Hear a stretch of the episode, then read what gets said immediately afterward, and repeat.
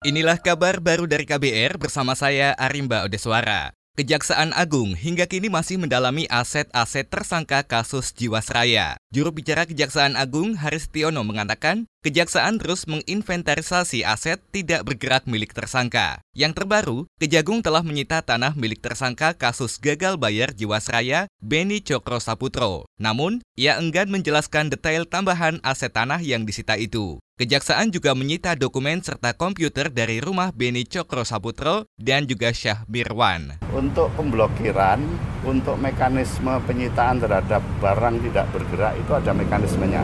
Yang penting penyidik memblokir dulu, jangan sampai uh, sertifikat atau tanah itu dialihkan ke pihak lain, diblokir dulu. Kemudian mekanismenya nanti penyidik akan mengajukan persetujuan penyitaan ke ketua pengadilan. Sudah ada tambahan lagi belum tanah yang diblokir Pak? Ada tambahan, masih dipilah-pilah, cukup banyak. Tapi ada tambahan berarti ya Pak? Ada, tapi masih masih dipilah-pilah. Sebelumnya, Kejaksaan Agung telah menyita 156 aset tanah atas nama Beni Cokro. Kejaksaan juga telah menyita tujuh mobil mewah dan satu motor gede milik lima tersangka kasus gagal bayar Jiwasraya. Penyitaan untuk pengembalian kerugian negara akibat gagal bayar Jiwasraya. Dalam kasus ini, Kejagung menetapkan lima tersangka. Di antaranya, Kepala Divisi Investasi dan Keuangan Syah Mirwan dan Beni Cokro Saputro di Rut PT Hansen Internasional. Kerugian negara akibat dugaan korupsi Jiwasraya Persero lebih dari 13 triliun rupiah.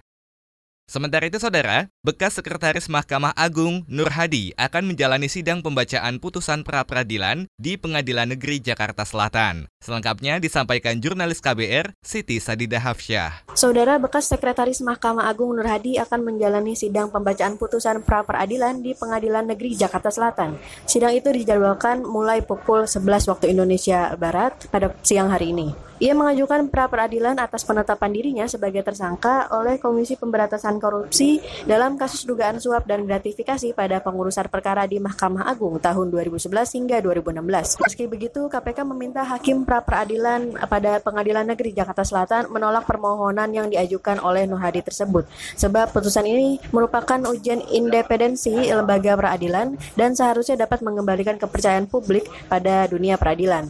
Dari Pengadilan Negeri Jakarta Selatan, Siti Sadid Hafsyah melaporkan untuk KBR. Beralih ke informasi lain, Direktur Eksekutif Walhi Sumatera Selatan, M. Hairul Sobri, menyoroti kebijakan restorasi gambut pemerintah sejak kebakaran hutan dan lahan 2015 lalu. Menurutnya, Badan Restorasi Gambut belum mampu memulihkan lahan gambut yang rentan terjadi karhutla. Bahkan, karhutla 2015 tidak menggerakkan pemerintah untuk melakukan pencegahan pada tahun 2019, terutama sebelum masuk musim kemarau. Nah, kita melihat juga proses-proses pencegahan jadi selama 2018 menjelang belum masuk mau masuk musim kemarau itu kita tidak melihat bahwa ada upaya semacam pencegahan. Misalnya menutup memastikan gambut-gambut dalam itu uh, tetap basah, memasang apa beberapa sekat untuk agar air tidak keluar itu tidak tidak terlihat di beberapa prosesi. Direktur Eksekutif Walhi Sumatera Selatan M. Khairul Sobri menyebut Indonesia belum mampu terbebas dari karhutla pada 2020. Itu lantaran lemahnya upaya pencegahan dan penegakan hukum oleh pemerintah. Badan Nasional Penanggulangan Bencana BNPB menyebut kebakaran hutan dan lahan di Indonesia pada 2015 mencapai 2 juta hektar lebih. Umumnya, area yang terbakar adalah lahan gambut.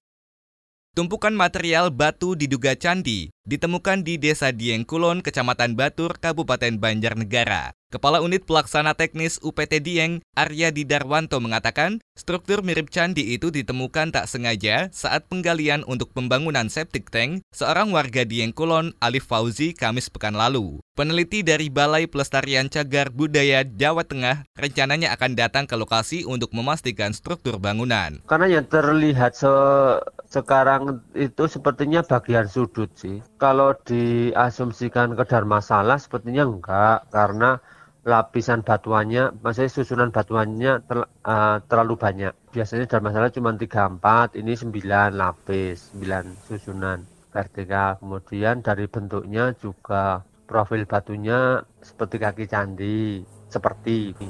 Aryadi mengaku belum bisa memastikan apakah temuan struktur diduga candi ini akan diteruskan dengan penggalian, eskavasi, dan restorasi. Hal itu menurutnya menjadi kewenangan Balai Perlindungan Cagar Budaya atau BPCB. Demikian kabar baru dari KBR, saya Arimba Odeswara.